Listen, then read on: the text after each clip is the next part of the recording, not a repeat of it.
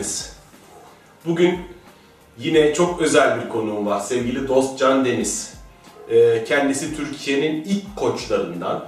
Evet. Ve açıkçası benim çok ön yargılı olduğum bir konu. Çok da iyi bilmediğim bir konu. Bu yaşam koçluğu ya da koçluk hadisesi. Evet. Ee, şahsen de birçok kafamda soru işareti var. Bunun için kiminle konuşabilirim, konuşabilirim derken Dost e, Device'da yazıyor. Henüz daha belki yazıları yavaş girmedim. O da zaman içinde olacak. Fakat Device'da yazıyor ve dedim ki bu işi madem ilk öncülerinden yani öncülerinden birisi o zaman dedim ki Dost'a geleyim, sorayım. Eminim sizlerin de kafa içer, e, kafalarında soru işaretleri vardır. Evet. E, çünkü koşuk deyince hani bir kısım çok e, olumlu anlamları var ama bir yandan da artık Evet. irite etmeye başlayan bir kavram oldu. Koçluk her taraf koç koç koç olunca. Doğru. Başlayalım önce koçluk nedir? Yaşam koçluğu mudur ya da koçluk nedir? Neden bir koça ihtiyacımız olur gibi bir soruyla başlayalım. Evet abi. Ee, yani konunun ön yargı doğurması çok normal. Ee, en başta onu söylemek lazım. Ee, benim de ön yargılarım var konuyla ilgili diyeyim. Şimdi e, tabii zor bir soru. Koçluk nedir? Bir yandan kolay bir yandan zor. Koçluk sonuçta bir danışmanlık hizmetidir en özetinde. Baktığımızda bir çeşit bir e, danışmanlık hizmetidir. Ben şimdi çok farklı çeşitleri var. Benim odaklandığım alan e, şirketlerle, yöneticilerle, üst düzey yöneticilerle çalışmak.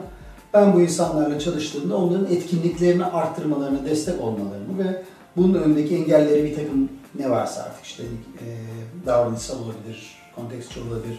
e, bir şekilde ortaya çıkarmalarına ve aşıp da işte o kendi etkinlikleri, liderlik midir bu, yöneticilik midir, kişisel etkinlik midir, e, ortaya çıkarmalarına destek olmak amacıyla çalışıyor. Yani bu anlamda bir danışmanlık hizmeti e, koşulup baktığımızda birebir yapılabilen, takımlarla, gruplarla yapılabilen e, çok özetle böyle bir şey koş. Yani çok hani atlı deve bilmem ne şu bu filan ne çeviriyoruz. Özetle bir danışmanlık hizmetidir koşuluk. Eyvallah. Öyle. Ee, ve dediğim gibi yeni adlandırılmış bir e, şey alan gibi gözükmekle beraber benim hocalarımdan, kendisine mentorum diyebileceğim bir Amerikalı adam var. e, John Carter diye. E, şu anda herhalde artık 70'in 70 73 falan olmuştur herhalde. Yani 70 civarındadır en azından. İşte kısa da boylu, işte sakallı, göbekli bir zenci abimiz bu ve bizim e, mesleğin duayenlerinden ama normalde kendini bir örgütsel danışman olarak tanımlayan bir şahıs bu. Sonuçta o da bir şirkete girdiğinde, bir kuruma girdiğinde veya insanlarla, ailelerle çalışırken işte ne yapıyor? Bireylerle çalışıyor. Bazen ikiliyle çalışıyor. iki ortak, eşler. Bazen daha büyük bir grupla, bir takımla çalışıyor, bir aileyle çalışıyor veya bütün organizasyonu içerebilen e, danışmanlıklar yapıyor. İlk bu Uluslararası Koçlar Federasyonu falan gibi tek bir koçluk mesleği çıkıp da şey olduğunda ortaya çıktığında diyordu ki ya diyordu hani bizim mesleğin bir parçasını almışlar bireysel müdahale olan kısmını buna yeni bir isim takmışlar koçluk diye. Sonradan da 40 yıldır yapan beni benim sertifikalandırılmam gerektiğini söylüyorlar. Bu nasıl iş demişti. O açıdan baktığımızda bu çeşit bir e, danışmanlık hizmeti koçluk. Ee, özellikle amacına baktığımızda gerçekten hani benim yaptığım şekliyle insanın hem kendisiyle hem dışarıyla daha etkin temas kurmasını, e, daha iyi çevreyi araçlayan, çevreden sonuçta hepimiz zihinsel olarak bir sürü veri, hem içeriden hem dışarıdan veri topluyoruz. Bu verileri daha etkin bir şekilde toparlayıp, daha etkin kararlar alıp, daha etkin eylemlere geçip e, hayatını, işini, işte liderliğini her neyse ne odaklanıyorsak daha etkin hale getirmesine yardımcı olan bir danışmanlık hizmeti. Aynı şeyi 40 kere falan tekrarlıyor gibi. Çünkü olayın özeti budur abi. Ha, danış, kurumsal danışmansın. Aynı, hani ben kurumsal evet. kurumsal danışmansın. Bireysel olanları var. evet. Ee, psikologlukla benzer tarafı var mı? Hatta şeye dikkat ettim. Benim psikologluk yapanlar işte zaman içinde Evet. e, kartlarında bireysel koçlar yazmaya başladılar. Oralarda da kafam karışmaya başladı için. Yani psikolog muydun?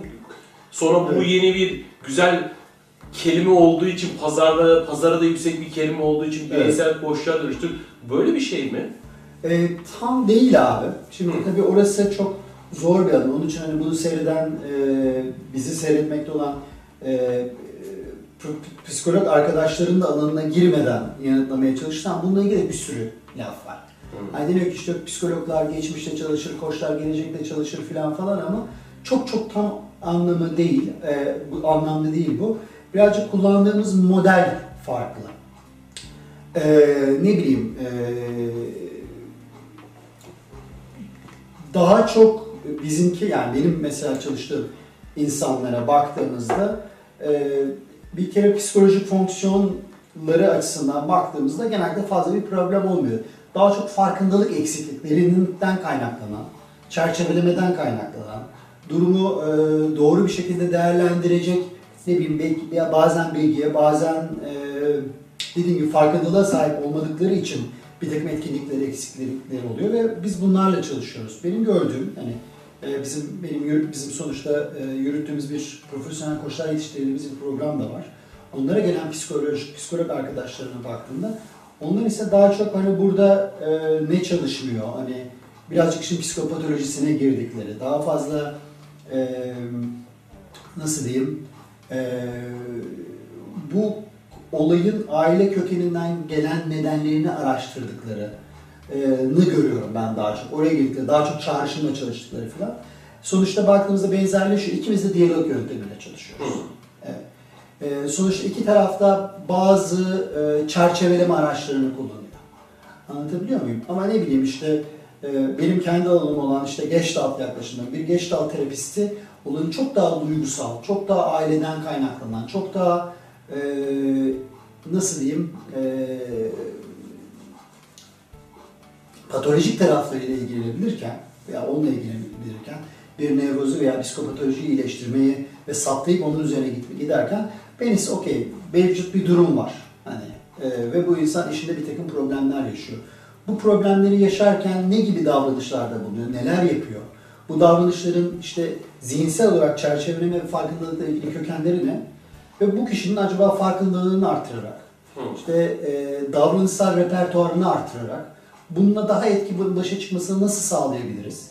Nasıl bu konuyla ilgili bir takım yeni eylemlere geçmesini sağlayabiliriz? Onu tutan bir takım yine düşünüş şekillerinden nasıl dışarı çıkabiliriz? Onları araştırıyor gibi oluyor. Hani mutlaka kesiştiği alanlar olacaktır e, şeylerle, e, Psikolojiyle. psikolojiyle. Sonuçta biz de psikolojiyi kullanıyoruz. Biz de psikolojinin alanında, çünkü insanla çalışıyorsun. Tabii. İnsanın etkileşim ve iletişimiyle çalış- çalışıyoruz. Fakat e, benim gözlemim birazcık daha eşit bir ilişki, koçluk. E, hani psikolog veya psikiyatriyle çalışmaktan ki bunu da yanlış söylüyorsam beni affetsin arkadaşlar. E, birazcık daha işte danışanı tam bütün ve kaynaklara sahip bir yerde bir şekilde çerçeveleyip bir şekilde görüp oradan yaklaştığımız bir alan gibi gözüküyor. Hoş. Benim kafamda şu can, canlanıyor. Evet. Ee, hani danışan savaş meydanında hani savaş belki çok da örnek, örnek içinde değil ama sürekli toz toprak içinde, orada mücadele Evet. içinde, her taraf böyle karman çorman. Evet. Ve hani alanda olduğu için dışarıdan bakan bir göze Aynen ihtiyaç öyle. var. Çok güzel. Ha yani koç da dışarıdan bakıp bak Hı. buralarda şuralarda şöyle şöyle şeyler var. Aman dikkatli ol diyen kişi. Aynen. Birazcık çok güzel bir örnek. Benim kullandığım buna benzer şey de bu. Aslında bizimki birazcık basketbol, maç sırasında Ha. basketbol koşuna benziyor. Eyvallah. Biz mola alıyoruz. Hı. Tamam mı? Arkadaşlarla sahada ne oluyor konuşuyoruz. Hı. Biz nasıl oynuyoruz? Karşı taraf nasıl oynuyor? Yaptığımız stratejiyi, düşündüğümüz daha önceden planladığımız stratejiyi mi gerçekten uyguluyoruz? Yoksa stratejiyi çoktan unuttuk, kafaya göre mi gidiyoruz? Hı. Ve yap, yapabiliyorsak veya yapmıyorsak artık yaptığımız şey ne kadar işe yarıyor, neden işe yaramıyor? E şimdi ne yapacağız? Hı. Sahaya dönünce şimdi ne yapacağız? Hadi şimdi çıkıp yapalım deyip sonra maç tekrar başlıyor. Sonra bir daha mola. Gelip şimdi ne kadar işe Orada da zaten tam koç kelimesi cuk diye yerine Aynen oturuyor. öyle. O açıdan baktığınızda ama hani burada oturup hadi tekrar driplinge gidelim veya işte abi şut atamıyorum. İşte çünkü her şut atmaya kalktığımda babamın yüzü gözümün önüne geliyor. İşte babam bana küçükken hiç sen hep sen başarısız olacaksın demiş diye psikologların alanına o şekilde çok fazla girmiyoruz aslında. Hı. Anladım. Evet. Ee, ki hani benim baba aklıma babamın geliyor olması her şut çektiğimde eğer şut çekemiyor, çekemiyorsam gerçekten çalışmam gereken bir konudur. Bunun için de benim beraber çalıştığım, tanıdığım, güvendiğim birçok psikolog, psikiyatr insan var. Bunlara yönlendiriyorum. Fakat evet babam gözümün önüne geliyor fakat ben yine de şut çekiyorum. Peki babam gözümün önüne gelirken ve istersen bunu bir psikologla çalışabilirim ama yine de daha etkin nasıl şut çekerimin üzerine ben de çalışmaya devam edebiliyorum bazen. Hmm, Böyle anladım. böyle Anladım. düşünebiliriz yani. Se- seninki de doğrudan tam bireysel alan değil Evet. ama daha kurumsal. Dediğin gibi yani Bunu ben oyuncularla ilgili evet. gereken yerleri de yönlendirebiliyorum. Ee, diyorsun. Tabii. Yani olduğunda ki yani e, ne bileyim gerçekten teşhis edilebilir bir durumsa bu. Yani insanlar ya ben danış çalışanlarından istemediği, istediğimi alamadığımda e, öfkeleniyorum ve öfkeyle yönetmeye kalkıyorum. Bu da işe yaramıyor da çalışabiliriz. Yani öfkeyi nasıl kontrol edeceğim ama burada bir e, bipolar bir durum varsa hani kişi bazen manik, bazen depresif oluyorsa ve bu hani sonuçta beynin kimyası ile ilgili böyle bir Anladım. şeyle koşulukta çalışılmaz. Anladım. Anlatabiliyor O muyum? psikiyatrinin alanına O giriyor. psikiyatrinin alanına giriyordur. Onun için biz böyle bir çalışma, böyle bir durum olduğu zaman ki bunun teşhisini koyacak olan kişi de ben değilim. Bunun bu konuda yetkin, eğitimli şahs şeyler var. Bu adam 6 yıl tıp üzerine de bilmem kaç sene psikiyatri şey yapıyor, uzmanlığı yapıyor. Ee, bu onların alanı ama böyle bir duruma benzer benim alanımın dışında olduğunu hissettiğim, sezdiğim bir durum olduğunda benim yardımcı olamayacağım tabii ki bunlara göredir. Ama diğer kısım dediğim gibi ee, ne oluyorum da çünkü benim durumla ilgili bir çerçevem var. İşte durumu kontrol etmeye çalışıyorum. İstediğim alamadığında öfkeleniyorum. Öfkeyle insanları kontrol ediyorum. Ve bu işe yarıyormuş gibi gözüküyor bir yandan kısa dönemde ama uzun dönemde istediğimi alamıyorum. Ne oluyor burada? Konusu ben acaba farklı bir yöntem uygulayabilir miyim? Veya o e, istediğimi alamadığımda o anda zihnimde ne oluyor? Kendime öyle söylüyorum ki buraya doğru gidiyorum. O anda kendimi yavaşlatıp durdurup o ana farkındalık getirerek farklı bir strateji acaba deneyebilir miyim konusunda biz seve seve çalışıyoruz. Ben çalışıyorum ve ciddi güzel de sonuçlar elde edebiliyoruz. Yani e, tabii bu arada söylediğin önemli bir şey vardı. Yine dönüp dolaşıp eğitimli olmaya geliyoruz. Şimdi bir psikiyatrist yani karşına bir durum geliyor ve bir psikiyatristin eğitiminden bahsediyorsun. Ne kadar sürecek ya da bir psikoloğun eğitiminden. Evet. Fakat şu anda insanlar Evet. çok rahat bir şekilde bir e, koçluk eğitimi, herhangi bir koçluk eğitiminden geçip ellerine bir koç sertifikası alıp önüne Evet. ne geliyorsa Evet. iyileştirebileceği iddiasıyla çalışmalar yapılıyor. Tabii. Galiba belki bu noktada ön yargılar oluşmasının ya da irite etmesinin nedeni bu. Çünkü bir anda herkes koç olarak çıkmaya başladı. Farklı farklı markalar altında farklı farklı koçlar çıkmaya başladı. Ben senin geçenlerde bir yazına rastladım. Ben şey Device için çevirirken e, ta 2000'lerde yazılmış işte şey yazmışsın. E, çok az koç vardı. Şimdi yavaş yavaş hani çevrede koçların artmasından memnun oluyorum diye baktım senesine de 2003 mü 2004 mü? Doğru, bayağı bir zaman geçmiş. Acaba Şimdi dost ne derdi? Elini sallasam koça çarpıyoruz şu anda. Evet. Hani e, hani o kısmını bırakalım da mesela bir koçun Evet. eğitim süreci nasıl olmalı? Yani nasıl geliştirme? Ben mesela senin ne kadar çok aynı zamanda ulusal eğitim aldığını biliyorum Cemşen'den ötürü. Sürekli olarak beraber çalışıyorsun, yani kendini geliştirmeye çalışıyorsun eyvallah ama bir sürü de zaten background'un var. Bir yandan sürekli zaten eğitim veriyorsun. Nasıl gerçekten bir insan koç olarak ortaya çıkabilir? Yani şimdi şöyle, bu e, söylediklerimden birkaç bazı arkadaşlar yine de memnun olmayacaklar ama hani gerçekler gerçek. Sonuçta birçok insan bunu meslek olarak yapmaya kalkıyor. Şu tarafından da alayım ben. Ee, evet dediğim gibi olayım ben kendi için ve de bu iş için baktığımızda da yani işin çok ruhsal tarafıyla ilgili, teknik tarafıyla ilgili, bilmem ne tarafıyla çok eğitim alıyorum işte bilmem kaç ayımın meditasyon inzivalarında falan geçiriyorum. Bir de işin gerçek e, ne denir? Duygusal tarafı var abi. Tamam mı? İnsanlar buna meslek olarak giriyorlar ve bu işten belli bir başarı elde etmeyi hem mesleki olarak hem ruhsal olarak hem de maddi olarak bir başarı elde etmeyi bekliyorlar sonuçta. Çoğu insan kendi yapmakta olduğu işi bırakıyor. Onun için doğru yapılması çok önemli ki bir takım hayal kırıklıkları olmasın. Şimdi e, gerçekten hepsi birbirinden iyi olan e, ve iyi olmayan bir takım koşuk eğitimleri var e, piyasada. Şu anda ki ben o zaman da öyleydi. Ben bahsettiğim tarihte de öyleydi. Hala öyle. Koşuktan bütün dünyada para kazanmanın en hızlı ve kolay yolu koç yetiştirmek gibi gözüküyor hala. Hmm. Hani bu şey gibi, herkes altın arıyorsa kazma kürek satın gibi bir durum var şu anda. Onun için altın aramak şu anda koştuk. Herkes de koşuk eğitimi yapmaya çalışıyor. Çünkü ve de koşuk eğitimi yapan insanlara da baktığımda eee, bütün dünyada, Türkiye'de bazılarının, hepsinin diyemeyeceğim ama bazılarının ciddi koşuk tecrübesi olmadan koç yetiştirme işine Evet. girişiyorlar. Ee, ve o eğitimlerin etkinliği de ona göre oluyor. Yani sonuçta bu bir teknik bütünü olarak öğretiliyor ve güzel, doğrudur. Yani baktığımızda Ee, hani bizim yaptığımız eğitimlere de birçok üst düzey yönetici katılıyor. Süper. O yeni tekniği alsınlar, uygulasınlar. Fakat meslek olarak yapacaksın abi bir takım başka şeylere ihtiyaç var. Bir işin teknik tarafı var. Hani e, ben işte 2002'den beri sadece bunu yapıyorum. Tabii ki eğitimde yani onun bu derken bu geliş. içinde de verdiğim eğitimler var. Takımlarla çalışıyorum, bunu yapıyorum, bunu yapıyorum falan ama genel olarak koçluk çerçevesi içinde e, bunu yapıyorum. İşte 2008'de bizim Uluslararası Koçlar Federasyonu'nun en yüksek akreditasyon derecesi olan işte Master Certified Koç'u aldım. Hani öncesinde ve sonrasında hayatımda çok bir şey değişmedi ama aldık Allah razı olsun. Eyvallah. İşte şeye nasıl öğrendim Master Certified Coach olduğumu? İşte internette şimdi hangi eğitime gideyim? Hı. Kendimi geliştirmek için diye girmiştim. E-mail gelmiş o sırada, aa yaşasın dedim. Ve şimdi hangi eğitim diye bakmaya devam ettim. Hı. Şimdi 2013'teyiz işte 5 sene olmuş onun şey yapalı. İşte 3500-4000 saatlik bir tecrübem var. İşte kendim bizim kendi yönettiğimiz işte 5 senedir Türkiye'de yürüttüğümüz ondan önce de 4 sene işte Amerika'da olan bir koç yetiştiren bizim Gestalt işte e, Eurasian Gestalt Coaching programında öğretim görevliyim var filan falan ve ben hala bir sürü her sene bir takım eğitimlere gidiyorum. Hem profesyonel gelişim anlamında şu anda işte ona bakıyoruz. Şimdi hangi eğitim? Kendimi şimdi nasıl geliştireyim? E, bir yandan işte e, işte meditasyonda şurada burada ilerliyorum ki onun çok büyük faydası var. Çünkü sonuçta yine de insan zihniyle ve insan farkındalığıyla çalışıyoruz ve orada geliştikçe ben kendi ne yaptığımı daha iyi anlıyorum. E, ve hani olay bu ve ilerledikçe her adım atınca e, hani yol her bir attığım adımda on adım daha uzuyor. Evet. Öyle bir durum var. Şimdi onun için e, bütün buraya işte bana senin söylediğin ilklerden olduğum için e, birçok yeni başlayan insan geliyor ve de onlara hep şunu diyorum. Abicim hani bir işe atılıyorsun. Ablacığım. Hı. Hani bunun da gerekleri var. Şu ana kadar yaptığın işte ne kadar zaman emek harcadıysan ustalaşmak için burada da öyle bir emeğe ihtiyaç var. Öyle 4 haftalık eğitim çok güzel, süper. Kesinlikle git. Daha başlangıcı bile değil.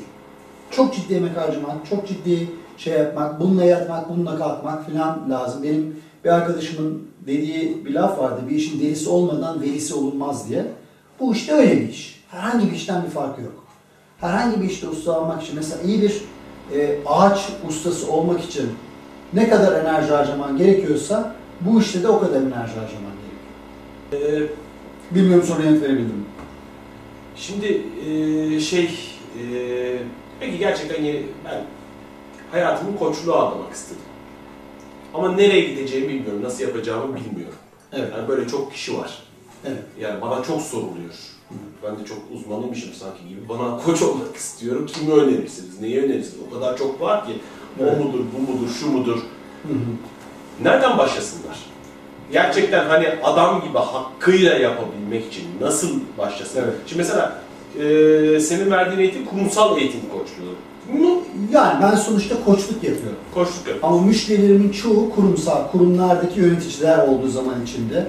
Ee, yani sonuçta bireyseller, bireyler geldiğince onlarla da çalışıyoruz tabii ama çok büyük, büyük bir %90'ın üzerinde olan şey kurumların çalışanları yani üst düzey yöneticileri haline geldi.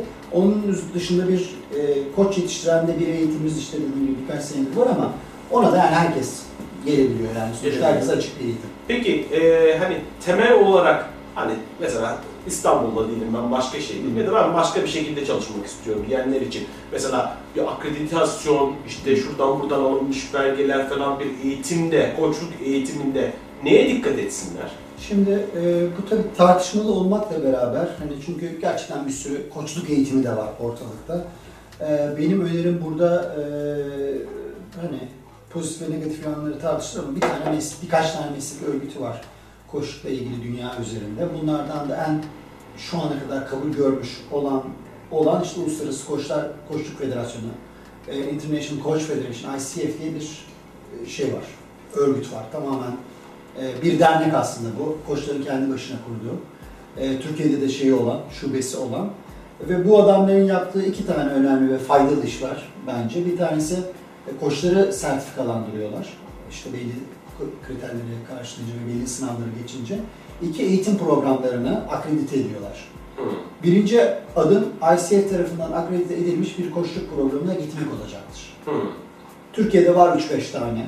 Bunların bazıları Türkçe'de eğitim yapmaya başladılar. Maalesef bizimki de ICF Akredite bir program olmakla beraber biz üç kişiyiz. Bir tanemiz e, Kanadalı. Onun için İngilizce oluyor bizim programlar Hı. çoğunlukla ama başka okulların da var e, Türkçe programları. İngilizceleri de var. Böyle okullardan bir tanesinde hani bunların hangi şu şu iyidir bu kötüdür diyemem. Ekol farklılıkları var. İşte bizimki Geçtaat ekolü, ötekisi bilmem ne ekolü falan falan. Bu okullara da bir irtibata geçip araştırıp veya işte istiyorsan yurt dışında bin tane okul var. Hı. Bin olmasa bile yani 200-300 tane ICF akredite okul var. Bu okullardan e, araştırıp senin kendine, karakterine, kişiliğine uygun olduğunu düşündüğün bir tanesine gitmekle başlıyor. Hı. Anlatabiliyor muyum? Ama bu yol buradan başlıyor. Yani bu başlangıcı yolun. Ondan sonrası okuman, etmen, kendini başka şekilde geliştirmen. Tamamen şey. Ee, çünkü koçluk verdiğin alanla ilgili bilgi, bilgi edinmen. Çünkü birçok okulun dediği işte koç sadece soru sorar. İşte hiç şey yapmaz, öneri vermez ve hiç bilgi vermez. Size benim birçok üstü yöneticim hadi lan diyecektir Hı. çoğu zaman. Çünkü hani evet tabii ki oturup da doğrusu bu demiyorsun fakat adamın içinde özel mesela benim alanımda veya işte aile koçluğu yapan, yaptığını söyleyen arkadaşlarımızın alanında eğer o konuyla ilgili bilgi vermiyorsan, bilgin yoksa hangi soruyu soracağını nereden bileceksin ki?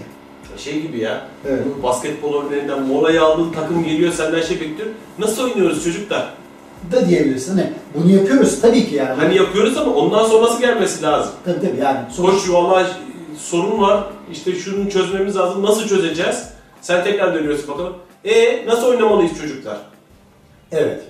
E tamam da kardeş. Evet. Yani hani sen onu dışarıdan gören sensin. Evet. Tabii. E, ama tabii şunu tabii ki yani şunu şu şekilde oynayacaksın, bunu bu şekilde oynayacaksın değil de geri bildirim. Farkında mısın abi? Sen hani e, şey yaparken, ne musun? Jump shot'a çıkarken e, bileğin düşmüyor. Hı. Bileğin düşmesi lazım diyecek kadar konuyu bilmen lazım. Hı. Bileğin düşmediğinin farkında mısın? Ne oluyor acaba da senin bileğin düşmüyor? Bir bakalım diye bir diyalog, diye, diyecek bilgiye sahip olman lazım konuyla ilgili. Belki onlar kadar çıkıp oynayamazsın. Anladım. Faydans yemiş hiçbir zaman hani ne bileyim e, şey kadar, Emir kadar tabii bizim eski kuşak yaş belli oldu şimdi. Oynayamaz belli ama hani yine de basketi biliyor olman lazım. Belki benim işte koçluk yaptığım sektörlerin hiçbiri ne bileyim ne çimento sektörünü bilirim ne bilgisayar sektörü bilirim. İşte nacizane azıcık bir bankacılık deneyimim var. Ama ama neyi biliyorum? Hani bir kurum nedir? Nasıl çalışır? Klasik iletişim problemleri nerede olur işte? Ee, örgütsel davranışta insanlar nasıl kendilerini kendi ayaklarında vururlar? İşte yaptığım meditasyonu şuydu bunu bundan sonra insan egosu nasıl çalışır? Yani insan kendi başına nasıl dert olur? Kendi içsel deneyimden, kendi başıma dert olmuşluğumdan biliyorum. Bu üzerine düşünüyorum, araştırıyorum falan falan. Onun için bir yaşam deneyimine e, ve o konuyla ilgili bir anlayışa ihtiyaç var. Yani koç olabilmek için. O açıdan sadece soru sorarım. Kesinlikle sadece soru sorarsın ve geri bildirim verirsin. Ama hangi soruya bakacağını ve niye geri bildirim vereceğini nereden bileceksin? Eğer o konuyla ilgili hiçbir zeminin yoksa, bilgin olmasa bile bir zemin olması lazım. Anlatabiliyor muyum? Hiç e, anne babalık yapmamış birinin bir anne ve babaya çocuklarını nasıl yetiştirebileceği konusunda veya en azından pedagoji bilmeyen birinin. E, hani ya ben de kendim çocuk olmuştum. Onun için şimdi ben pedagogluk yapayım demesi gibi bir şey. Pedagojinin bir formasyonu var, bilmem nesi var, şusu var, busu var. Aynı şekilde ailelere koçluk yapacaksan da onunla ilgili bir en azından zeminin olması lazım Tamam. gibi bir şey. Bilmiyorum mantıklı geliyor. Anladım anladım yok. Tabii, şey anladım. Tabii. Peki e, benzer bir soruyu tam tersinden sorayım. Evet. Benim bir koça ihtiyacım var. Evet. Belki kurumsal olabilir ya da bireysel olabilir. evet. Ben o koçta ne gibi özelliklere bakmam gerekebilir? Sen ne özelliklere bakarsın abi? Sana ben söyleyeyim. Valla otururum. Koçluk Sen- yapmış olduğu gibi olmasın ama. Hayır, Evet. internet sitelerine Evet. girelim. Tabii. Bakarım. Adamın tipine bakarım. Adamın aldığı eğitime bakarım. Tabii. Bu adamla ilgili herhangi bir yerlerde bir şey çıkmış mı? Adını aratırım. Evet. Yani herhangi bir şikayet olmuş mu? Olumlu geri bildirim olmuş mu? Sağa sola sorarım. Siz gittiniz mi, ettiniz mi? Ya da önce zaten arkadaşlarıma sorarım. Tabii. Tabii önce benim koça ihtiyacım var. Ona bir sorarım. Niye ihtiyacım var? Niye koç istiyorum? Niye Evet. Ee, hani psikolog mu ihtiyacım var, psikiyatriye mi ihtiyacım var, koça mı ihtiyacım var? Mesela kurumsal koçluk başka bir şey. Tabii. Ben bireysel olarak kendimi düşünüyorum. Bunları sorduktan sonra Evet. e, benim yapacağım şeyler bu olur. Ben aynı şeyi tüm her şey için yaparım. Yani spiritüel bir eğitimde olacaksa, Evet. şey olacaksa mutlaka araştırıp soruşturmadan karşıma çıkanı, internet çok dolu çünkü, bir sürü bilmem ne koçu, bilmem ne koçu, şu koçu, bu koçu, bir sürü marka Evet. e, şey var ama bunları yaptıktan sonra, sonra adamla bir açarım telefonla konuşurum Evet. insanla. Bana e, sözleri değil, enerjisi. Çünkü hepsi konuşmaya başlayınca herkes çok güzel konuşur. Doğru. Döktürürler. Bülbül gibi öteriz.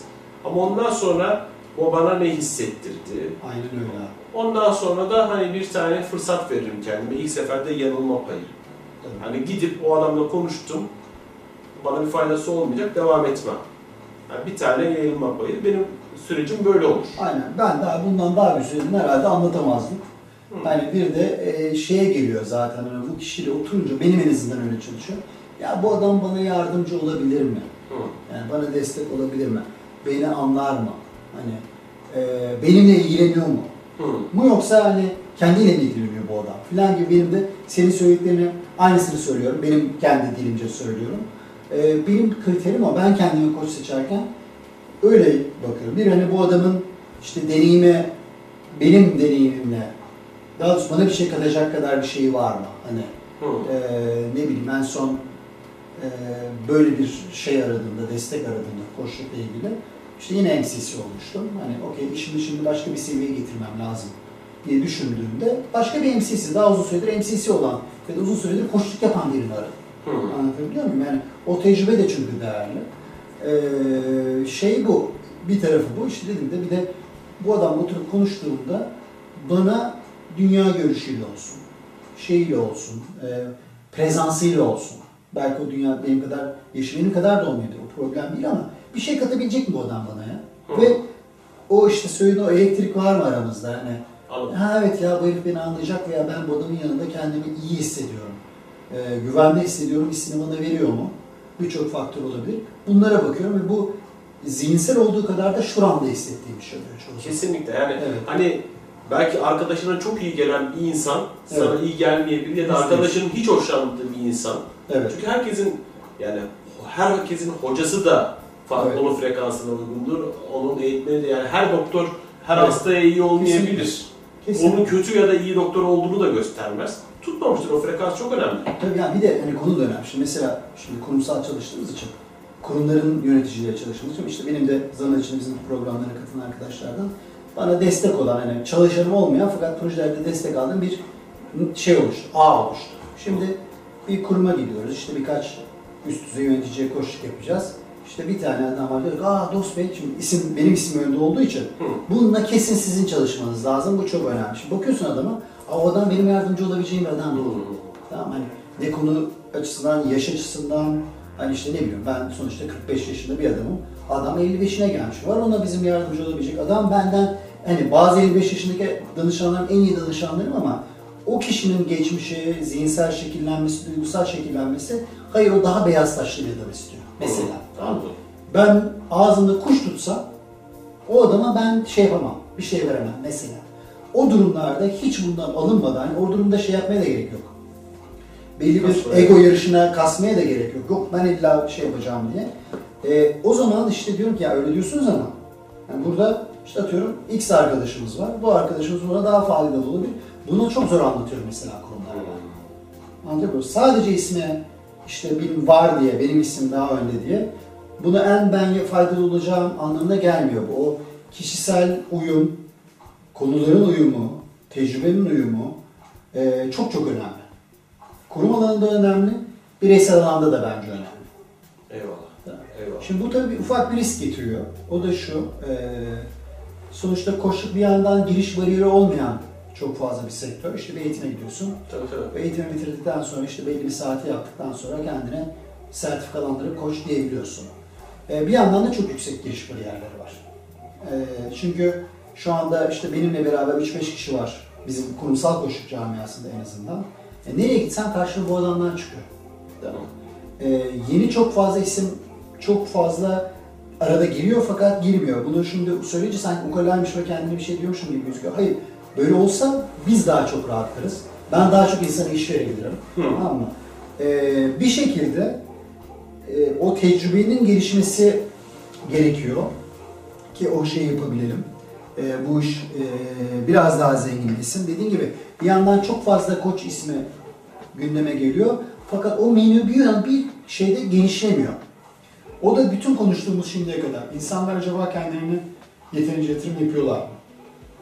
Artı bunu nasıl sunuyorlar falan geliyor. Hani işin diğer boyutta bu evet kendimize yatırım yapacağız, geliştireceğiz, bilmem ne yapacağız ama abicim bu sonuçta entreprenörlük gibi bir şey, bir girişimcilik. Hani bir tane atıyorum Ernst Young gibi bir koçluk firması yok ki gelesin orada maaş çalışasın. Hı hı. Ernst Young'ın bir danışmanlık şeyi olsun, modeli olsun işte 5P bilmem ne 5S filan gibi model olsun sen onu bırak. Hayır bu o kadar kişisel benim çünkü benim farkındalığımı kullanıyoruz. Benim prezansımı kullanıyoruz. Ve benim prezansımı danışan, yardımcı danışanın prezansını ve arttırmaya şey yaptığımız için e, ne kadar bir model olsa da bir model yok. Hani şey kopyalanabilir bir şey yok. O açıdan da kişilerin çoğunun kendisinin bireysel girişimci olarak giriştiği bir iş. Ve işte e, ne kadar işte tamam ruhsal şeyi çok seviyoruz. Evet abi ben doğru şeyi yaparsam ve de ben istiyorsam zaten benim hiçbir şey yapmama gerek yok. İşte bana müşteriler gelecek dediğim hiçbir şey yapan o kadar insan var ki bu işte. Olmaz abi bu bir iştir. Nasıl bir işe girişirken işte bir üretimi lazım tamam. Üretimle yetkinliğini artırman, doğru araçlara sahip olman lazım. E pazarlamanı yapman lazım. Satışını yapman lazım. Finansını yapman lazım. Tamam mı? Sekreterimin dışındaki bütün fonksiyonları ben yapıyorum. Anlatabiliyor muyum?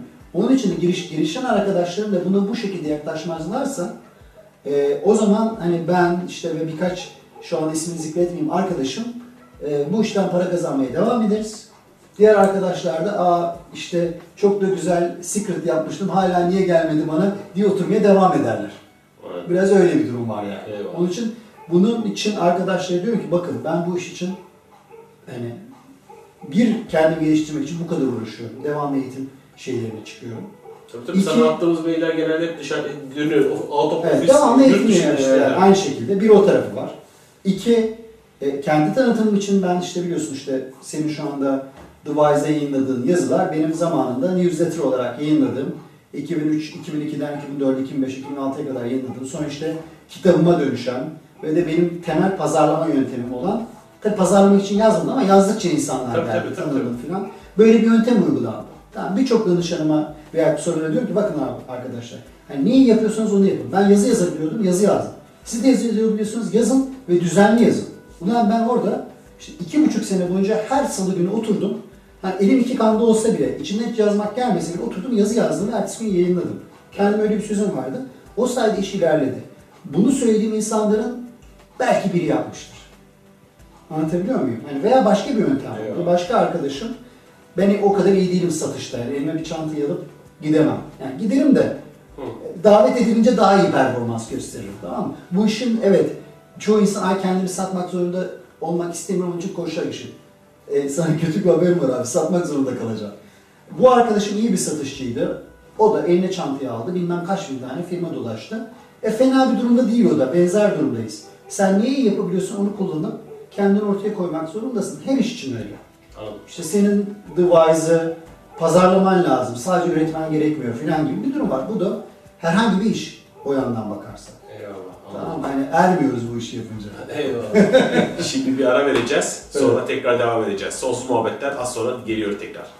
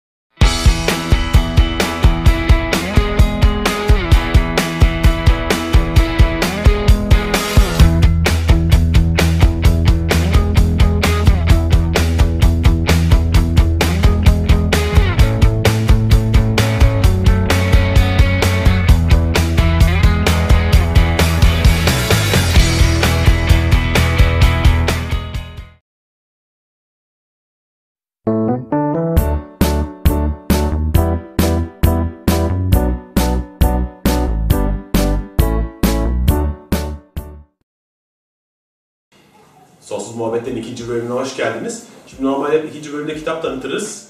Ee, fakat burada hazır do- dostu bulmuşken ben muhabbete devam etmek istiyorum. Hani son, muhabbetin sonuna doğru kitaplarım olursa yani önereceğim onları dinleriz de. Şimdi e, şu aklıma geldi. Bu Gestalt çok ka- karşımıza çıkan bir kavram. Ben hatırlıyorum lisedeyken psikoloji dersinde iki satır vardı. Karşıma Evet. çıktı. E, terapi e, ile ilgili. Henry von Gestalt gibi isimler aklıma geliyor. Öyle bir şey var mıdır yok mudur hiç bilmiyorum ama Evet. Gestalt ne? Peki. Şimdi abi Gestalt'ın iki tane geç, yani daha doğrusu Gestalt kelimesi var. Hı. Ee, ve onun bir Gestalt psikolojisi var ki tamamen algıyla alakalı bir şey. Hı. Bir de Gestalt terapisi var. Sonra tabii Gestalt koçluğu, Gestalt kurumsal sistem. Gestalt bir adamın soyadı mı? Değil abi. Gestalt Almanca anlamlı bütün anlamına geliyor. Ha. Yani bu şey vardır ya hani bütün parçaların toplamından fazladır. Farklıdır kelimesini Almanca söylemeye şey kalkacak olsak bütün yerine kullanacağımız kelime Gestalt. Eyvallah. Yani eyvallah. Gestalt bütün demek. Ee, bizim kullandığımız anlamıyla Gestalt sonuçta e, işte parçalarından farklı olan bir bütün. Yani ne diyeyim? Mesela sen bir Gestalt'sın. Hı. Yani kolun var, bacağın var, bedenin var, zihnin var, düşüncelerin var, kalbin var. Fakat bunları işte tek tek bir araya getirsek Hasan çıkmayacak. Onlar öyle bir şekilde bir araya geliyorlar ki o Hasan oluyor. Eyvallah. Tamam mı? Ve Hasan'ın şu anda bir oluş hali var veya dostun şu anda bir oluş hali var. Nasıl? Bütün deneyimlerim, bütün şeklim, bir tane, bütün işte şimdiye kadarki algılarım, işte başıma gelen olaylar, şu anki dış koşullara verdiğim tepkilerle ben şu anda bir, bir, bir geçtaltım var. Hayatı algılayış şeklim var. Anladım. Tamam mı? Oradaki ufak bir değişiklik çevre koşullarda veya benim içinde farklı bir geçtalt olmasına neden oluyor. Onun için hareketli bir geçtaltlar topluluğu olarak yaşıyoruz. Eyvallah. Tamam mı? Eyvallah. Çok Ee, güzel. olay bu yani. Geçtalt dediğimiz şey bu. Bizim kullandığımız yöntem olarak da geçtaltta şu oluyor. Ya şu anki Hasan'ın geçtaltı ne? Hı. Yani anlayışı ne? Bu durumu içindeki oluş şekli ne aslında? Hani baktığımızda onun için başka bir yere bağlayacağım birazdan unutmayayım onu. Ee, dağıtmayayım konuyu benim heyecan duyduğum bir konu. Ee, o senin algılayış şeklin acaba geçmişte bir yerde takılıp kalmış mı? Hı. Tamam mı? İşte oluş şekli. Ee, çünkü belli bir koşula tepki olarak oluşturduğumuz bir takım geçtaltlarımız oluyor. Yani orada fix olarak kalmış mı? Yoksa o geçtaltın hareketli mi? Yani mevcut durumlara uyum sağlayarak ve de sabit bir ben algısı yaratmadan onun akmasına müsaade ederek mi var oluyorsun dünya içinde? Bizim çalışma şeklimiz ister koşlukta olsun, ister bunu terapi olarak yapan bir terapist olsun, bununla çalışıyoruz. Senin dünyayı ve kendini ve çevreni ve her şeyi nasıl algılıyorsun? Nasıl bir oluş halindesin şu anda? Ve oluş hali senin işine yarıyor mu? Gerçekten mevcut durumun koşullarına uygun bir şekilde mi yaşıyorsun? Yoksa bir takım nedenlerden dolayı bir yerde böyle katılaşmış Hı. bir geçtaltı mı hala korumaya çalışıyorsun ve bundan dolayı acı mı, acı mı çekiyorsun? Hı. Şey bu. Özeti bu aslında konunun. Eyvallah. Bu hani bu aralar son derece yaygınlaşan bu aile e, dizimi gibi çalışmalarda da Evet. e, bu Gestalt'tan hani bir şeyler Evet. var galiba değil mi? Sen bir parça olarak bunu söylemiştin. Nasıl nasıl Şimdi şey- aile dizimi farklı bir ekol olarak e, adlandırılıyor. Hı. Sonuçta işte Bert Hellinger diye bir adam. Ondan önce de başkalarının olduğunu söyler ama o kadar çok emin değilim. Ee, bir Alman adamın işte Afrika'da bir kabilelerle çalışırken formülize ettiği filan bir yöntem e, olarak bir müdahale yöntemi e, olarak adlandırılıyor. Bunu etkin bir şekilde kullanan arkadaşlar var. E, bizim şimdi şöyle bağlayayım abi. Gestalt yaklaşımı aslında baktığınızda bir süreç modeli süreç modelinden şunu söylüyorum. Biz, biz Gestalt e, tanı işte deneyim döngüsü dediğim bir şey var. Bu hani Gestalt'ı nasıl oluşturuyoruz ve onunla ilgili nasıl eyleme geçiyoruz anlatıyor. Sonuçta zihinsel olarak hani sen de şu anda ben de hep o şeyi yapıyoruz. Veri topluyoruz. Evet. Bir şey hissi yani bir 5 duyu artı 6. düşüncemizde bir durum algılıyoruz. Değil mi? Mesela işte ne bileyim karnımız gurulduyor. Bir sensation dediğin duyum oluyor o karnımız guruldadığında bir anda bir farkında ha açım lan ben diyoruz. Hani Hı. ne kadar lan kayıtçı mıydı bilmiyorum ama durum o ya. Olsun, bizim, bizim programda serbest. o güzel o zaman. Serbest. Açım diyorsun tamam mı? Bununla eyleme geçiyorsun. Bu açlığın verdiği, fark etmenin verdiği, yani o geçtaltın, o anki geçtaltın o açım ben. Hı. Farkındalığın o yani. Onunla o kendi enerjisini doğuruyor. O enerji bir gidip yemek yemek için bir heyecan duyarak işte onu o şekilde alarak işte eyleme geçiyorum. Ve gidip işte kendime bir sandviç alıyorum ve sandviçe temas edip onu kendimin bir parçası haline getiriyorum. Geç daltının içine bir sandviç eklenmiş oluyor ve kilo olarak falan dönüyor. Doydum diyorum veya ulan işte hamburger yemeyecektik yine hamburger yedik işte. Hı. Duruma baktık başka bir döngüye dönebiliyorum. Şimdi bu bir döngü ve bu Gestalt'ın temel kavramlarından bir tanesidir. Yani biz nasıl bir ihtiyaç, bir istek, bir düşünce, bir yönelim belirliyoruz zihinsel olarak ve onu nasıl hareket ediyoruz veya hareket etmiyoruz veya diyoruz ki işte ne bileyim ya e, şey benim işte şimdi canım su istedi ama işte kafamda benim alılar var. Şimdi su istersen programı bozacağım, yapmamalıyım diye mesela o döngümü kırabiliyor. Hı. O bir hareketin durdurulması oluyor falan. Bunda işte bahsettiğimiz o fix geçtatlar yani çok teknik tarafına girmek istemiyorum. Şimdi bununla her şeyi modelleyebiliyor aslında geçtatçı. Hı. Aslında benim bu model çevremden nasıl veri topluyorum ve içeriden hani duygusal zeka eksikliği dediğim şey ben içeriden veri toplamıyorum demek. Hı. Sadece işte zihinsel veriyle hareket ediyorum. Ne bileyim bazıları sadece duygusal veriyle hareket ediyor. Ee, işte hani abi ne kadar duygusal bir insan dediğin hiç mantığını kullanmayan adam onu dışarıda bırakıyor ve bu bir oluşak hali, bir geçtalt, bir varoluş şekli oluşuyor. Geçtalt koçluğu, koçlukta kullanıyorsak, terapide kullanıyorsak geçtalt terapi. Ee, sonuçta senin ve benim veri toplama sürecimizi daha etkin hale getirip daha etkin figürler yani geçtaltlar oluşturup daha etkin sonuçlar daha tatmin olacağı halde yaşamamızı sağlamaya çalışıyor aslında. Onu radara iyileştiriyoruz yani. Şimdi eee onun için hani bunu koçla uygularsan geçtaltı daha iyi koç olursun. Anne babalığa uygularsan daha iyi veri topladığın için daha iyi anne veri, daha iyi anne baba olursun. Daha iyi avukat olursun. Yani sonuçta böyle bir metodoloji aslında bu.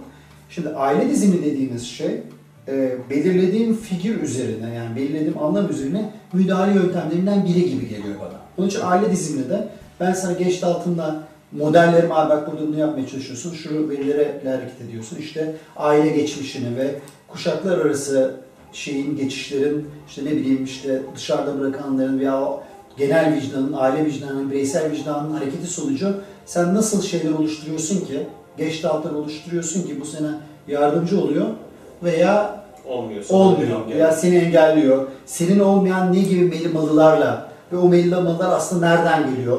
Orada neyi çözmek lazım gibi bir müdahale yöntemi olarak geç daltın içinde kullanılabilecek parçalardan bir tanesi rahatlıkla Anladım. olabilir. Anladım. Ee, ama Geçten çok büyük bir kavrammış yalnız. tabii Geçtat sonuçta bir süreç modeli. Her şeyi modelleyebileceğim bir model. Anladım. Şimdi temeline baktığında ben tabii o meditasyonunda ilerledikçe fark ediyorum ki işte ilk Geçtat terapini kitabını yazan üç kişi var. Biri Fritz Perls, biri Goodman, biri de Hefe Fine diye e, üç tane adam. Zaten şey Fritz Perls bayağı işte hem Doğu felsefeleri hem Batı felsefeleri işte Taoculuk falan bunları ciddi araştırmış bir kitap. İşte o ilk kitabında e, işte Ego, Hunger and Aggression diye bir kitabı var. Orada kitabın içinde işte bizim Cem Hoca'nın hep bahsettiği işte Wuji, bilmem ne, Taiji falan o kavramları çizimlerle anlatıyor da. Hmm. İşte galiba Goodman bayağı ciddi ve ilerlemiş bir e, şey, e, Budist monk mu bilmiyorum ama Budist meditasyoncu olduğunu biliyorum. Şimdi iki tarafta birden ilerleyince ben işte mesela işte şeyde e, bu e, şey modelinde Budist, Budizm'de olan fakat başka şeyler de olan şa- şey bağımlı varoluş modelinin belki Cem Hoca ile konuşmuşsunuzdur. Hani sonuçta hiçbir şey kendi başına var olmaz. Hı. Ee, ancak koşullar sayesinde bir varoluşa şey yapar ve aslında baktığında koşulları ortadan çeksek yani onun o varoluşundan boş olduğunu fakat hani hem boş hem değil var ya o kavramda Evet, olduğunu evet. görebiliyoruz. Şimdi Gestalt diyor ki ben denen, self denen kavram bir süreçtir diyor. Tamam. Ancak organizma ve çevrenin temasıyla oluşan ve her temasın değişmesi gereken bir süreçtir. Eğer organizma çevre koşullarına uyum sağlamadan onu sabit tutmaya kalkarsa nevroz oluşur diyor. Şimdi Hmm. aynı şeyi anlatıyor aslında. Hı. Abilerden almışlar şeyi, oradaki kavramları batılı dile çevirerek çok güzel bir model oluşmuşlar. Sonuçta diğeri de insan zihninin çok iyi bir modeli olduğu için ve her şey uyarlanabileceği için Gestalt da önemli bir model, böyle bir model. Şimdi anlamış oldum. Yani çok komik. Henry von Gestalt diye bir adam var Yok da abi bir, bir teknik uydurmuş da herkes Yok üzerine atlamış. Sonuçta Gestalt bir teknik değil. Bir e, varoluşu ve insan zihnini açıklamaya yönelik aslında bir felsefi yaklaşım. Eyvallah. Şimdi Şimdi bunun için çok ilişkisel çalışır. Çünkü hani o bağımlı varoluşa dönersek çünkü ben varım ama ben tek başıma yokum ki. Şu anda ben seninle ilişkide varım ancak. Hmm. Tamam mı? Bu koltukla ilişkide varım. İşte video kamerayla ilişkide varım. Orada kim olduğunu bilmediğim beni gözlemleyen insanlarla ilişkide varım. Varoluşumu ancak bunlarla beraber adlandırabilirim. Bunların hiçbiri yoksa, benim ilişkide olmadığım hiçbir şey yoksa ben ne demek o zaman gibi böyle ilginç bir soru işaretine gidebiliriz orada. Onun için de hani Gestalt hep böyle ilişkisel bakıyor her şeye. Varoluşa böyle inceliyor. Böyle olunca da gerçekte zaten böyle olduğu için ve de zaten biz de ilişkisel olarak işte o sensationlarımızla 5 duyu artı 1 ile yani düşüncemizle efendime söyleyeyim duygu tabii o 5. şeye giriyor. E, kinestetik şeye giriyor. Ve onun sonucunda oluşturduğumuz anlayıştaki o anlayışa işte orada bir takım fix kendimizi sabitleme çabalarımız giriyor. İşte şöyle olmalı, böyle olmamalı. Ben kendimi kesinlikle böyle hissetmek istemiyorum. Onun için ben öfkeli değilim, sen öfkelisin falan falan. Kendi öfkemiz başka bir şekilde. Yolları. Bunu incelediği için bu nasıl oluyor? Bu adam aslında işte Wu, Cem Hoca'nın o dedi Wu Wei, eylemsiz düşünmeden akabilecekken ve de aslında hani kendini olduğu şekilde ifade edip akışın bir parçası olabilecekken bu insan ne oluyordu o akışı kesiyor'a bakıyor aslında Geçtal. Hmm. Anladım. Tamam? Ne oluyordu akamıyoruz biz insanlar olarak. Bakıyor. Tıkanıklığı görüyor. Tıkanıklığı, o tıkanıklıkla ilgili de şeyi insanın kendisini fark etmesini. İşte e, değişimin paradoksal teorisi diye bir yöntemle çalışıyoruz biz. Yani temeli ona dayanıyor. Aynen şey gibi hani nasıl Vipassana'da hiç yargılamadan onunla beraber olursun, incelersin, bakarsın, işte o farkındalığını getirirsin ve o kendiliğinden onun altını, derinini göğsüne kendiliğinden rahatlarsın. Onu değiştirmeye çalıştığında tam tersine o duygu hep sabit kalır ya. Hı. Böyle hissetmediğim dediğin şeyi daha çok sonsuza kadar hissedersin. Biz geç da diyoruz ki mesela insan olmadığı bir şey olmaya çalışarak değil, olduğu şeyi tam sahiplenerek, ona farkındalık getirerek ancak değişebiliyoruz. Eyvallah. Onun için de yaptığımız yöntem aslında birisi tarafından fasilite edilmiş bir farkındalık meditasyonuna dönüşüyor yöntem olarak. Aslında ne kadar hepsi aynı yola çıkıyor yani. Hepsi aynı yola çıkıyor. Hepsi aynı yola çıkıyor da Hepsi aynı fark- yola e, çıkıyor. gerçekliğin farklı farklı adlandırılmış hali. Yani Aynen. kabulleniş diyebilirsin. Şey, Aynen öyle. Kabullenmediğin hiçbir şeyi değiştiremezsin diyor. Eyvallah. Evet, Eyvallah. kabullenmek bile mesela e, yüklü bir kelime. kelime. Kabullenmenin içinde bu tükaka ve ben kabullenmek zorundayım var. Kabul etmediğin aslında. Kabul et. Olmasına müsaade etmediğin hiçbir şeyi değiştiremezsin diyor. Var olmasına ki hani senin müsaadenle alakalı değil. Var zaten. Eyvallah. Yemin ediyorum Eyvallah. var Çok. ya. Yani dönüp dolaşıp aynı noktaya geliyoruz. Böyle kaç tane program yaptım. Hepsinde de kabulleniş. Evet. Farklı farklı ustalar anlatıyor ama hepsi aynı Aynen. şey, aynı şeyi anlatıyor. Aynen. E, Onun olduğu yöntemler çalışıyor abi. Benim Evet. gördüğüm o. Yani o yani kabullenmekten de öte hani mesela geç dağıtı biz İngilizcesinde hani yani being with what is yani olanla beraber ol abi yani kabul et etme istersen etme yani. Oluyor zaten yani kafana vuruyor o sırada herif. yani. Evet, evet, Hani, evet. Ana kafama vuruyor de. Hani hatta şey de diyor bizim arkadaşım da Allah kahretsin duygularım var değil. Hı. Yaşasın duygularım var değil. Aa duygularım var. Hmm. Konu o yani hani Yargı katmadan. Yer kalkmadan ha, ne olduğuna bakalım. Bakalım neymiş bu. Allah kahretsin de demiyorsun, yaşasın da demiyorsun. Aa, Ama duygularım var. Evet. Yani çoğu zaman işte A oluyor tabii. Aa anla falan gibi, Evet. gibi oluyor. Ve ona bakmak, incelemekle ilgili bir takım tabii ki hani işin sadece bu kadarı değil. Ciddi bir teknik şey de var. Bununla ilgili yöntem, araç, felsefe, yaklaşım, kavram bütünleri de var ama özü bu aslında olayı.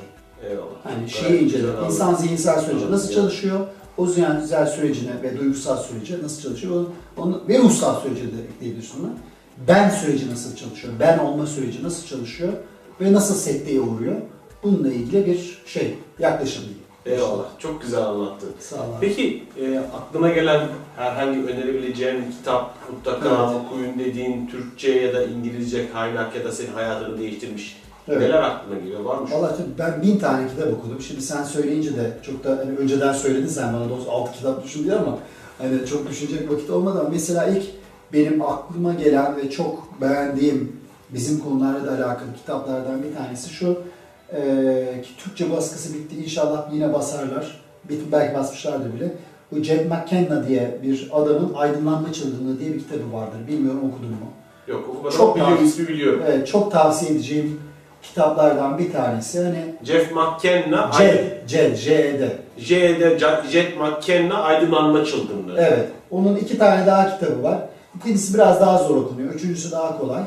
Ama o seri bir seri yani. Aydınlanma Çılgınlığı'nı çok çok çok öneriyorum. Gerçekten hani e, İsmi çok ilgi çekici. tabii.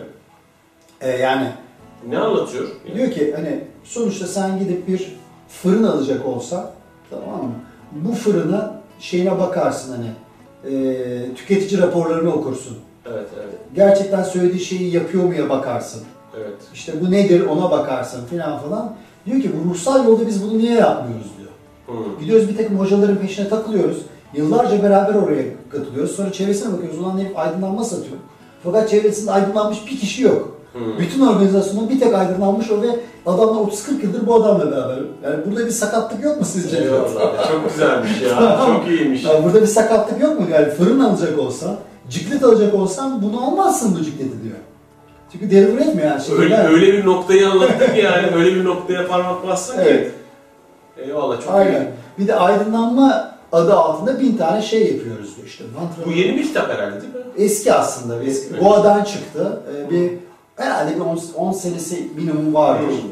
Tükendi. Sonra bir daha bastılar mı bilmiyorum. İnşallah basarlar Yoksa yakında. sahaflardan bakılabilir. Plan bakılabilir. Ee, işte İngilizcesi eğer okuyabilenler işte e, e, Enlightenment filan, The Darndest Thing diye garip bir isim var neyse. O olabilir. Ee, şey, bir de şunu diyor, diyor ki abi aydınlanmak denen şey e, hani birçok herkes onunla ilgili bir şey anlatıyor diyor. Tamam mı? Bu şuna benziyor diyor. Bir sürü tırtıl Hmm. oturmuş kelebek olmanın nasıl bir şey olduğunu anlatıyor diyor. tamam mı? Tırtıl bilemez diyor kelebek olmanın nasıl bir şey olduğunu. Ancak kelebek bilir diyor. Tamam mı? Şimdi durumumuz biraz buna benziyor diyor. Ondan sonracığıma bir güzel birkaç aklıma gelen mesaj bu. Bir de ikincisi diyor aydınlanma e, şey gibi uçurumdan at- atlamak ile ilgili bir şeydir diyor. Tamam mı? Uçurumun başında meditasyon yapmak demek değildir diyor. Oo çok güzel. Tamam, uçurumun e, atlamakla ilgili felsefi tartışmalara dalmak demek değildir diyor. İşte of çok bu- güzel bu ya. uçurumla ilgili mant- mantık olarak uçurum, uçurum, uçurum, uçurum, uçurum söylemek değildir diyor. Uçurumdan atlamaktır diyor. Of harika. o kadar güzel bir örnek oldu ki ya. Evet, evet. Hani e, var mı başka aklına gelen bir şeyler? Bu, Bu- bu, o kadar güzel bir kitap. Bu, Ben çok ben, sevdim ben bunu direkt gidip araştıracağım. Araştır abi. Benim çok çok sevdiğim ve benim direkt ha araştırıyorum. diye böyle gözüm açan kitaplardan biri budur. Eyvallah. Ee, onun için hani en ilk aklıma gelen kitap genellikle bu oluyor. Ee, ne bileyim başka e, ne kitap önerebilirim diye düşüneyim sana. Hani ekranın karşısında düşünmek güzel oluyor ve şeyi çok e, severim ben. Hani yazar isim olarak söyleyeyim. E, Türkçe'de çok fazla kitabı yok ama Jack Cornfield'ın Hmm. kitapları güzel. Evet evet. E, ben hepsini İngilizce okudum. Hangi kitapları Türkçedir, hangi kitapları İngilizcedir bilmiyorum ama kadar çok meşhur o yani. çok meşhur. Bir de çok şeker yazıyor adam. Yani böyle çok gerçekten insanın kalbine dokunan. Ben adamın bir audio programını dinlemiştim. Your Buddha Nature diye. Hani böyle hala da oturup bazen hani kendimi farkındalıktan kopmuş, böyle düşüncelerde kaybolmuş hissettiğimde koyuyorum. Adamı dinliyorum. Hani sesiyle çok güzel hikayeler böyle filan diye duruma geçiyorsun. Yanlış hatırlamıyorum. Tavuk suyunu çorbayı şey yapan değil. Değil o Jack başka bir şey o. Ha tamam O tamam. başka biri. Bu Jack Cornfield bir Ha. Amerikalı Budist rahipken işte şeyini bırakıyor, robunu bırakıyor. Ben çok çok karşılaştım evet. bu isimde. Bu Sp- Spirit Rock Center var Amerika'daki işte dünyadaki en önemli yerlerden bir tanesi, meditasyon merkezlerinden bir tanesi. Orayı kuran adam. Ee, onun kitaplarını, onun yazılarını, onun şeylerini, audio programlarını çok öneriyorum. Ee, çünkü çok güzel, çok basit, çok hoş, böyle insanın içine dokunan bir Eyvallah. şekilde anlatıyor. Eyvallah. Bir tane şu diyemem. Ha bir tane bir şey audiobook bir şekilde dinlenebilecek, sesli kitap şeklinde dinlenebilecek işte tabii ki maalesef İngilizce. Hani Your Buddha Nature süper. Benim dediğim gibi canım sıkıldığında ve kendimi merkezlemek için dinlediğim şeylerden bir tanesi. Eyvallah. Ondan sonracığıma şeyi severim. Ailede bahsetmiş olabilir. Bu Pema Chodron'un Evet evet kitapları bahsetti. çok güzel. bahsetti. Ee, bir tanesi özellikle onun işte e, bahsettiğimiz, e, Aylin'de bahsetmiştir. O güzel. Ee, Tabii seyretmeyenler olabilir o bölümün. ismi neydi kitabın?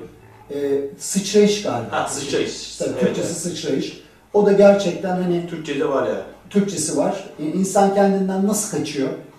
E, kaçmasının sebepleri ve hani çok güzel bir örnek vardır orada da. Hani belki Aylin anlatmıştır. Diyor ki hani bir yerin kaşınıyorsa eğer, bilmiyorum anlattım mı örneği? Yok anlatmadım. Yani kitabın özeti şu hani bir Bu arada e, bir bölüm önce sevgili e, dostum eşi Aylin'le beraber çekim yaptık da Evet. hani siz bunu hafta hafta seyrediyorsunuz ama yaklaşık bir, bir saat önceydi bizim için bu. O Yapacak bir şey yok. Ee, ben de tabii oradan kusura bakmayın sevgili dinleyiciler ben de oradan konuşuyorum. evet. Şimdi orada şu örneği anlatıyor benim çok hoşuma giden. Diyor ki hani eğer seni işte bir işte zehri sarmış bulaşmışsa ve kaşınıyorsa tamam mı? Kaşınmanın bir faydası yok diyor. Hı. Tamam mı? Şu anda ben kaşınıyorum şimdi. Evet. kaşınıyorum. Bir faydası yok. Yani kaşın, yani o anda sana yapılması gereken en mantıklı şey diyor, kaşımak gibi gelir diyor. Tamam mı? Fakat kaşırsan diyor, o zehri sarmış şey yayılır diyor. Daha kötü, daha kötü Tamam, hasta tabii. olursun diyor. Tamam mı? Orada yapman gereken diyor, doktora gitmek, bir kere kaşımamak diyor. Kesinlikle kaşımamak diyor. Ve acıyla o kaşınmakla kaşıdığıyla beraber kalmak, doktora gitmek ve şey ilacını kullanmaktır diyor. Ve o başta acılı gibi olur gözüken ve de mantıksız gözüken süreçtir seni oradan çıkaracak diyor. Diyor ki yaşamın da böyle. Hani buradan geç alta yine bağlayabiliriz konuyu. Yani eğer bir acın varsa, bir öfken varsa, bir durum varsa, bir durum var, bir şey varsa bizim doğal tepkimiz bundan uzaklaşmak ve kaçmak olur. Ya işte biz erkeklerin hemen alet çantamızı elimize alıp durumu Evet. temelleyelim, konuşalım, edelim, çözelim, özelim bilmem nedir. Ki bazen konuşmak iyi bir şeydir ama her zaman değil. Veya işte ne bileyim bazen işte bir sigaraya uzanmak, işte bir kadeh içkiye uzanmak, meditasyona oturmak. Yani o da bir bağ- bağımlılık. Yani. Ve bütün bağımlılıklar böyledir. Bütün bağımlılık dediğimiz şeyler veya yaşanış şekli, yaşayış şekilleri budur. Hatta düşünmek de bu anlamda bir bağımlılıktır. Eğer eyvah ben bunu istiyorsam, istiyorsam, diyerek durumun işin açısından kaçıyorsan. Hani ego böyle olur. Ego dediğim şey aslında ileri düzeyde ve farkında olmadığı ve kendin sandığın bir çeşit bağımlılıktır. Peki, kalacaksın ya. Başka bir yol. O neyse ona beraber kalacaksın, içeri bakacaksın diye içindeki şifalı verebilirsin. Diye çok güzel. Yani bunu tabii bu kadar basit değil. Veya güzel anlatan bir. Bunu da sevgili dinleyicilerimize eğer bu konuda varsa kesinlikle tavsiye edeceğim. kitaplardan. Çok teşekkürler. Bu arada çok eminim çok güzel oldu. Ve ama böyle şeyi çok etkiledi yani. Uçurumdan atlamak mı? Uçurumun başında meditasyon yapmak, uçurumun uçurumun diye mantıra içeri yapmak, uçurumun üzerine tartışmak değil. Atlamak. Bundan daha kesiyor. Aynen öyle. Bunlar- Çok teşekkürler. Bu harika örnekle de e, bu haftaki bölümümüzü bitiriyoruz. Dostcan Deniz'e çok teşekkür ederim verdiği bilgiler için. Bizi izlediğiniz için çok teşekkürler. Sonsuz muhabbetler devam edecek.